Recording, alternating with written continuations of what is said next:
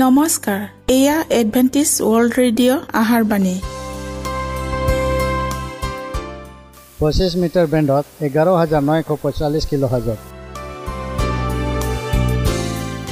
Adventist world radio যোগে অসমীয়া ভাষাত প্ৰচাৰিত আহাৰ বাণী প্ৰত্যেক বুধবাৰ আৰু দেওবাৰ সন্ধিয়া সাত বজাত আহাৰ বাণী শুনাৰ পিছত আপোনালোকৰ কিবা মন্তব্য আৰু প্ৰশ্ন থাকিলে আমালৈ এই ঠিকনাত লিখক।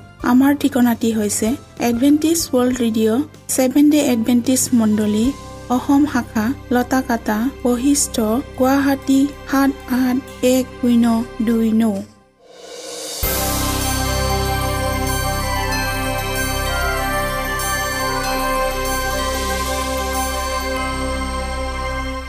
প্ৰিয় শ্ৰোতা বন্ধুসকল এতিয়া শুনো আহক এটি খ্ৰীষ্টীয় ধৰ্মীয় গীত।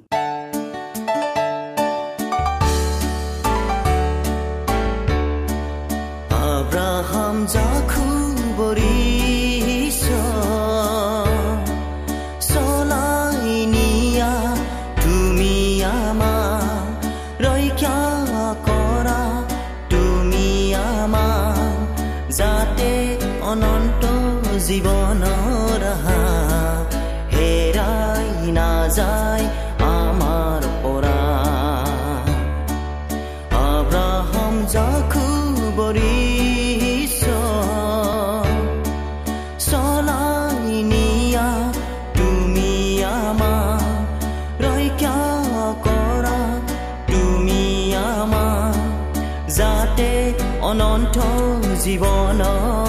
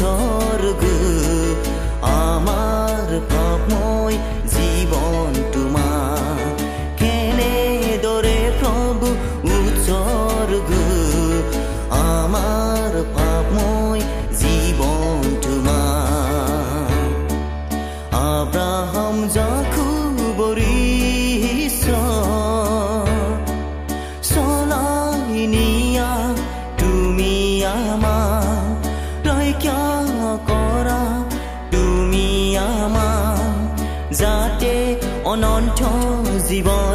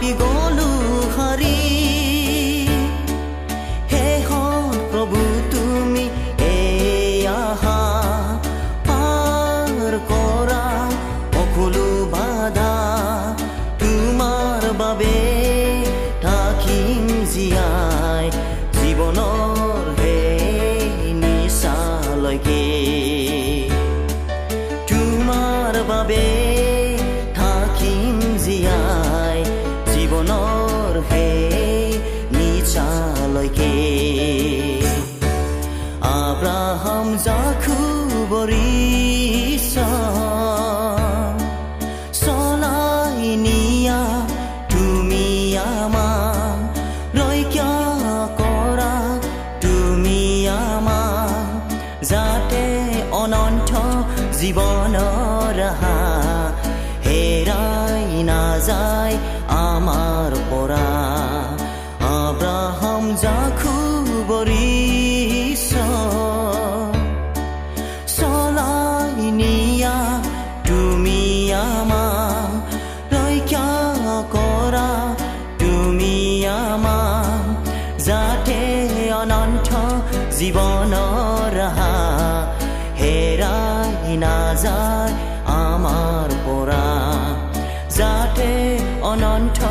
জীৱনৰ ৰাহা হেৰাই নাযায় আমাৰ পৰা। আব্ৰাহম জাখু বৰিছ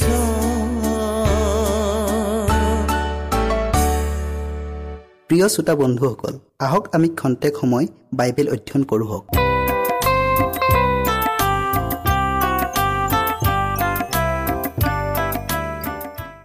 প্ৰিয় শ্ৰোতাসকল পৰিচালনা শক্তি এই বিষয়ে আজি আমি অধ্যয়ন কৰোঁ হওক। শাস্ত্ৰ পদ আমি লোক বাৰ অধ্যায়ৰ বিছ পদটো পঢ়োঁ হওক। কিন্তু ঈশ্বৰে তেওঁ ক'লে হে নিৰ্বোধ আজি ৰাতি তোমাৰ প্ৰাণ তোমাৰ পৰা নিয়া হ'ব।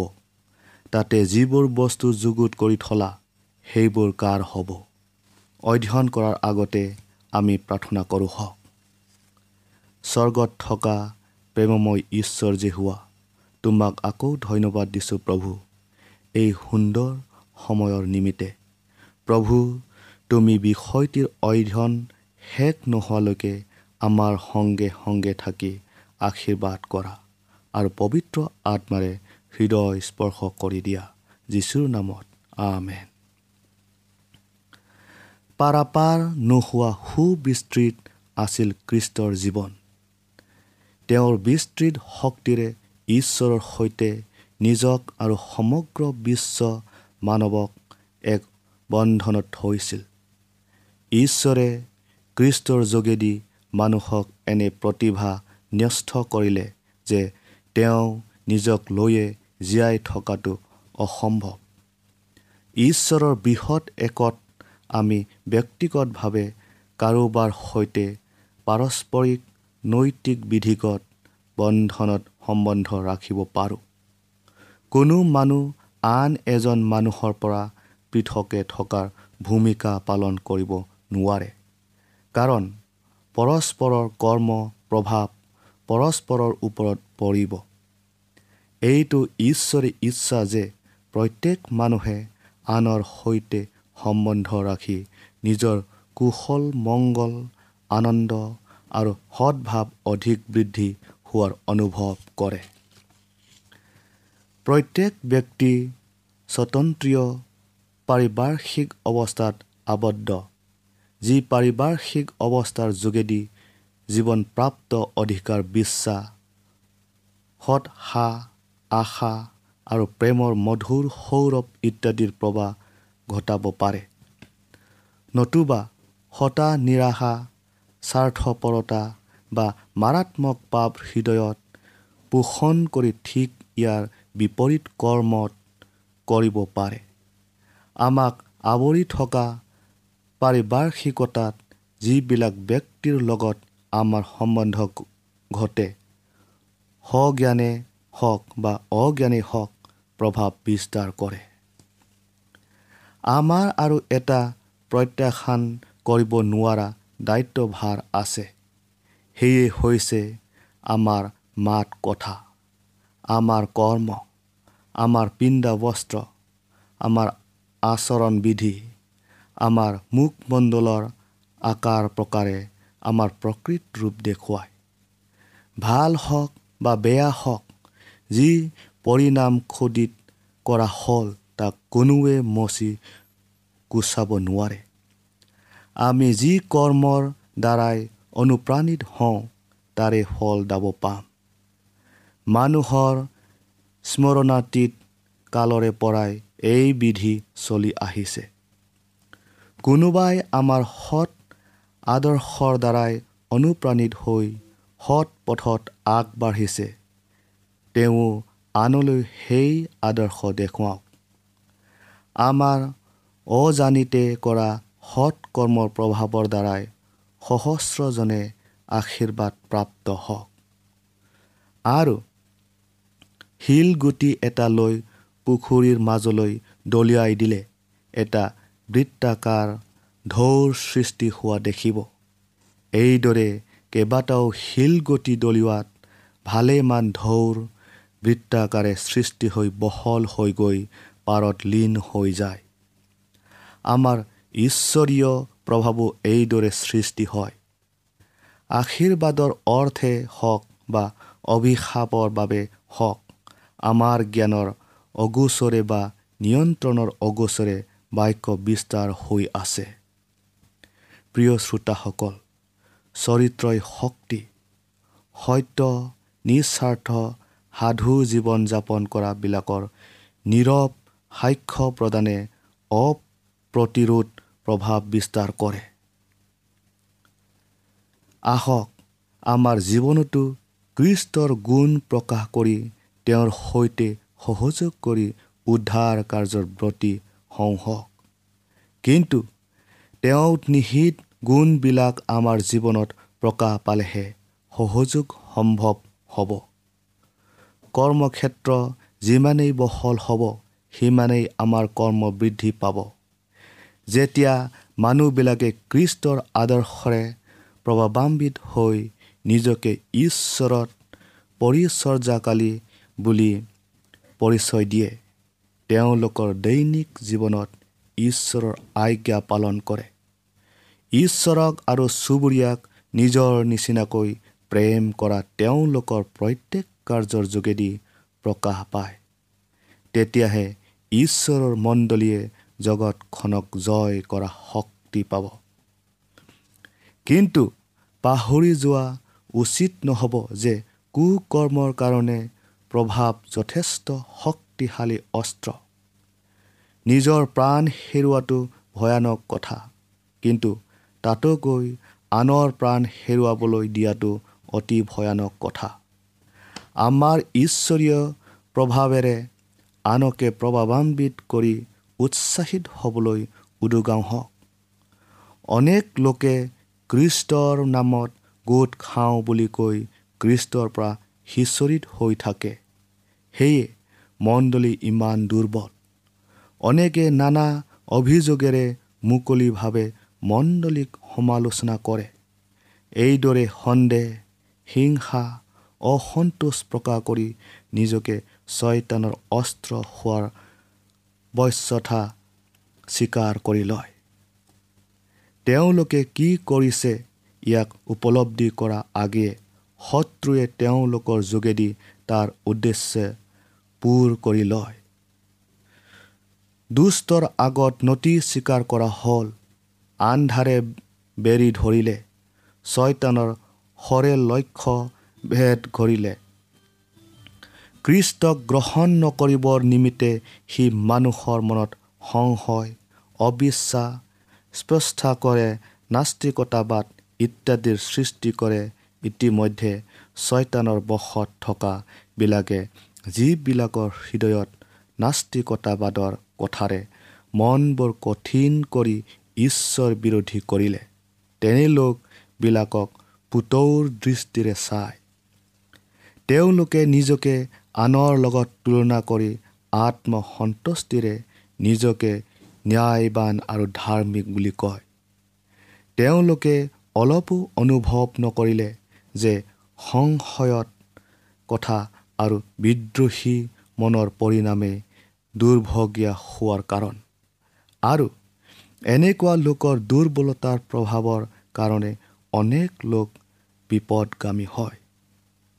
প্ৰিয় শ্ৰোতাসকল নিজকে ঈশ্বৰ বিশ্বাসী বুলি পৰিচয় দিয়াবিলাকৰ টুলুংগা যুক্তি আত্মসন্তুষ্টি অনৰ্থক বা অমূলক চিন্তা ভাৱনা এনেবোৰ কাৰণত অনেক ব্যক্তি জীৱন পথৰ পৰা আঁতৰি গৈছে। তেওঁলোকৰ ইহ জগতত যি প্ৰভাৱ পৰাক্ৰম তাৰ পৰিণাম ভোগ কৰিবলৈ ঈশ্বৰৰ স্বৰ্গীয় আদালত সন্মুখীন হ'বলৈ ভিত হ'ব। প্ৰিয় শ্ৰোতাসকল কেৱল ঈশ্বৰৰ অনুগ্ৰহৰ দ্বাৰাইহে তেওঁৰ প্ৰদত্ত বৰবোৰৰ উচিত ব্যৱহাৰ কৰিব পাৰিম। আমাৰ নিজস্ব বুলিবলৈ একো নাই যিহেৰে আমি আনৰ উপকাৰ কৰিব পাৰোঁ। যদি আমি আমাৰ নিসহায় অৱস্থালৈ অনুভৱ কৰি স্বৰ্গীয় শক্তিৰ প্ৰয়োজনবোধ কৰোঁ তেতিয়াহ'লে আমি নিজৰ ওপৰত ভৰসা নকৰোঁ। এদিনত হওক এঘণ্টাই হওক বা এক মুহূৰ্তত হওক সময়ে নিৰ্ধাৰিত কৰা মতেহে ফলাফল ভোগ কৰিম আৰু সেয়েহে আমাৰ স্বৰ্গীয় পিতৃৰ ওচৰত সমৰ্পণ নকৰাকৈ কেতিয়াও দিন আৰম্ভ কৰিব নালাগে। তেওঁ দূতবিলাকক আমাৰ ওপৰত পৰ দিবৰ নিমিত্তে দায়িত্ব দিছে। আৰু যদি আমি তেওঁলোকৰ অধীনত থাকোঁ তেন্তে আমাৰ আটাই সংকটৰ কালত আমাৰ সোঁহাতে থাকিব। আমাৰ অজানিতে আমাৰ অনুচিত কৰ্মৰ প্ৰতি লক্ষ্য ৰাখি আমাৰ ফলীয়া হৈ আমাৰ কৰ্মৰ ওপৰত হস্তক্ষেপ কৰি শুদ্ধ পথত চলিবলৈ উদগনি দিব। এনে স্থলত আমাৰ প্ৰভাৱ অস্পষ্ট আৰু নীৰৱ হ'লেও মহাশক্তিৰে আনক কৃষ্টৰ ওচৰলৈ আৰু স্বৰ্গীয় গৃহলৈ আনিব পাৰিম। সময়ৰ মূল্য গণনাৰে ঢুকি পাব নোৱাৰে। কৃষ্টই সময়ৰ প্ৰত্যেকটো মুহূৰ্তৰ সৎ কৰাৰ দৰে আমিও সময়ৰ প্ৰতি সন্মান জনাওঁ হওক। জীৱন খন্তেকীয়া সেয়ে ইয়াক তুচ্ছ জ্ঞান কৰিব নালাগে। আমাৰ শিক্ষা জীৱনকাল অলপ দিনীয়া হোৱা হেতুকে এতিয়াই আমি অনন্ত জীৱনৰ কাৰণে যুগুত কৰোঁ হওক। আমি অবাবত সময় নষ্ট কৰিব নোৱাৰোঁ। স্বাৰ্থ জড়িত আমোদ প্ৰমোদৰ সময় নহয়। পাপত প্ৰবৃত্ত হোৱাৰ সময় নহয়। এই সময় হৈছে অমৰণশীল জীৱনৰ বাবে ভৱিষ্যত জীৱনক গঢ় দিয়া। এই সময় হৈছে সুদ বিচাৰৰ দিনা। হাঁহেৰে তেওঁৰ আগত উপস্থিত হ'বলৈ নিজকে যুগুত কৰা। মানুহ সমাজপ্ৰিয় প্ৰাণী। কেৱল মৃত্যুবেহে পৃথক কৰে। তেওঁলোকে অনন্ত জীৱন অৰ্থাৎ কৃষ্টত থাকি মৃত্যুৰ পাছতো এক উজ্জ্বল জীৱন আছে ইয়াক নাজানে। যি মানুহে সময়ক উচিত ৰূপে ব্যৱহাৰ কৰে সেইজনে স্বৰ্গীয় গৃহত বাস কৰিবলৈ আৰু অনন্ত জীৱনৰ কাৰণে নিজকে উপযুক্ত কৰি লয়। এনে মানুহ জন্ম হোৱাটো ধন্য। অতীত হৈ যোৱা সময়ক কেতিয়াও ঘূৰাই আনিব নোৱাৰোঁ। নাইবা ইয়াক এক মুহূৰ্তৰ উদ্ধাৰ কৰিব নোৱাৰোঁ। আমাৰ অতীত সময়বোৰ উভতাই অনাৰ একমাত্ৰ উপায় হৈছে আমাৰ অৱশিষ্ট সময়খিনি ঈশ্বৰৰ সহকৰ্মী হৈ উদ্ধাৰৰ মহা আঁচনিত ভুক্ত হোৱা। যিজনে এই আঁচনিমতে চলে তেওঁ আন ৰূপ ধাৰণ কৰিব। তেওঁক ঈশ্বৰৰ পুত্ৰ ৰাজবংশ স্বৰ্গীয় ৰজাৰ সন্তান বুলি স্বীকৃতি প্ৰাপ্ত হ'ব আৰু স্বৰ্গদূতবিলাকৰ এজন হ'ব। এতিয়া আনৰ উদ্ধাৰৰ অৰ্থে আমি শ্ৰম কৰোঁ হওক এনেকুৱা ব্যক্তিও আছে যিবিলাকে ভাবে কৃষ্টৰ কাৰ্যৰ অৰ্থে দান বৰঙণি দিলেই যথেষ্ট। ইয়েই মোৰ পক্ষে কৰিবলগীয়া কৰ্তব্য। যি সময়ছোৱা তেওঁ নিজেও ব্যক্তিগতভাৱে হাতে কামে কৰিব পাৰিলেহেঁতেন। সেই অমূল্য সময়ছোৱা অথলে গ'ল। কিন্তু স্বাস্থ্যৱান আৰু সামৰ্থ্যৱান লোকবিলাকে ঈশ্বৰৰ উদ্দেশ্যে সক্ৰিয় সেৱা কৰা অধিকাৰ আছে। আটাইয়ে কৃষ্টৰ উদ্দেশ্য শ্ৰম কৰিব লাগে। দান বৰঙণিয়ে সেই স্থান পূৰাব নোৱাৰে। প্ৰত্যেক মুহূৰ্তত অনন্ত জীৱনৰ বিষয়ে গুৰুত্ব দিব লগা হয়। সেয়ে যিকোনো মুহূৰ্ততে তেওঁৰ পৰিচৰ্যাৰ কাৰণে আসোৱান গ্ৰহণ কৰিবৰ বাবে যুগুত হৈ থকা আৱশ্যক। কাৰণ যি সময়ত আমি ঈশ্বৰৰ বাক্য কোৱাৰ উত্তম সুযোগ সেই সুযোগ দুনাই নেপাব পাৰোঁ। নিজ কাৰ্যত সৰু পালি কৰাজনক ঈশ্বৰে ক'ব আজি ৰাতি তোমাৰ প্ৰাণ তোমাৰ পৰা নিয়া হ'ব। লোক বাৰ অধ্যায়ৰ বিছ পদত। নিশ্চয় আমাৰ অৱহেলাৰ কাৰণে সেই ব্যক্তি যুগুত হ'ব নোৱাৰিলে। এতেকে ঈশ্বৰৰ মহাসুদ বিচাৰৰ দিনা আমি কি বুলি হিচাপ দিম? শ্ৰোতাসকল জীৱন অতি মূল্যৱান যদিও ক্ষণস্থায়ী আৰু পাৰ্থিৱ বস্তু। তথাপিও সম্পূৰ্ণ গুৰুত্ব সহকাৰে মনোনিৱেশ কৰিব লাগে। তুলনাত অতি ক্ষুদ্ৰ অনুস্বৰূপ হ'লেও অনন্ত জীৱনৰ স্বাৰ্থত ই মহামূল্যৱান। সেয়ে ঈশ্বৰে পাৰ্থিৱ জীৱনৰ সমস্যাৰ মাজেৰে তেওঁৰ কাৰ্য সমাধা কৰিবলৈ আহ্বান কৰিছে। এই কাৰ্যৰ কাৰণে একাগ্ৰতা মনোভাৱে প্ৰকৃত বিশ্বাসৰ অবিচ্ছিন্ন উৎসৰ্গস্বৰূপ হয়। ধৰ্মশাস্ত্ৰই এলাহ বা সৰু পালি কোনোমতেই স্বীকৃতি দিয়া নাই। জগতক যন্ত্ৰণা দিয়া ই এটা মহা অভিশাপ। প্ৰকৃত মন পৰিৱৰ্তন কৰা পুৰুষ বা তিৰোতাই হওক সক্ৰিয় কৰ্মকৰ্তা হ'ব। প্ৰিয় শ্ৰোতাসকল আজি আমি ইয়াতে সামৰিলোঁ। আশা কৰোঁ আপোনালোকে পৰৱৰ্তী অনুষ্ঠান শুনিবলৈ নেপাহৰিব। ঈশ্বৰে আপোনালোকক আশীৰ্বাদ কৰক।